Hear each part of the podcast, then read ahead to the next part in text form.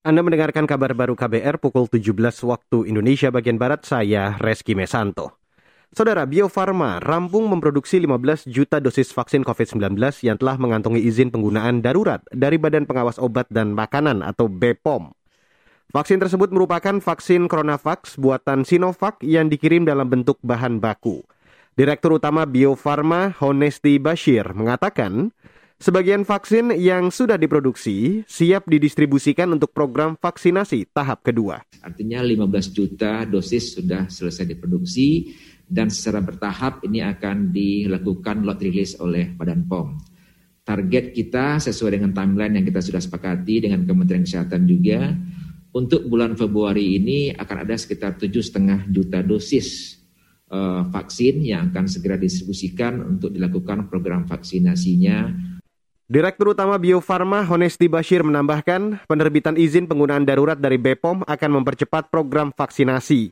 Dalam waktu dekat, Sinovac juga bakal mengirimkan 140 juta dosis vaksin CoronaVax dalam bentuk bahan baku. Beralih ke informasi selanjutnya, Saudara, Presiden Joko Widodo mewanti-wanti agar lembaga pengelola investasi atau LPI tidak bernasib sama seperti lembaga serupa di negeri jiran One Malaysia Development Berhad atau One MDB. Menteri Keuangan Sri Mulyani yang juga menjabat Kepala Dewan Pengawas LPI mengatakan, upaya dilakukan dengan melakukan seleksi ketat jajaran direksi dan Dewan Pengawas.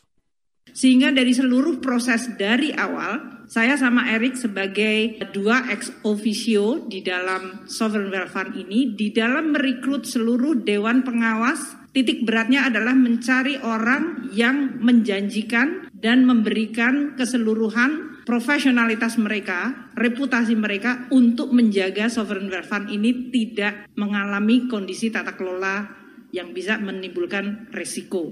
Itu tadi Menteri Keuangan Sri Mulyani saat konferensi pers di Istana Negara Jakarta hari ini.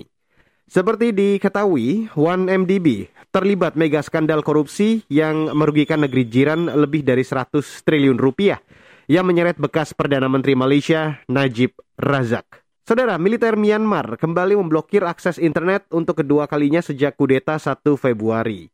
Mengutip CNN, langkah ini kembali dilakukan meski telah mendapat kecaman dari dunia internasional saat akses internet diblokir pekan lalu.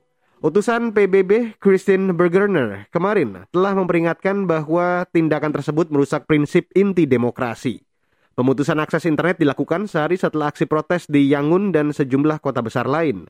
Asosiasi Bantuan untuk Tahanan Politik mencatat lebih dari 420 orang telah ditangkap sejak kudeta awal bulan ini. Demikian kabar baru KBR saya Reski Mesanto.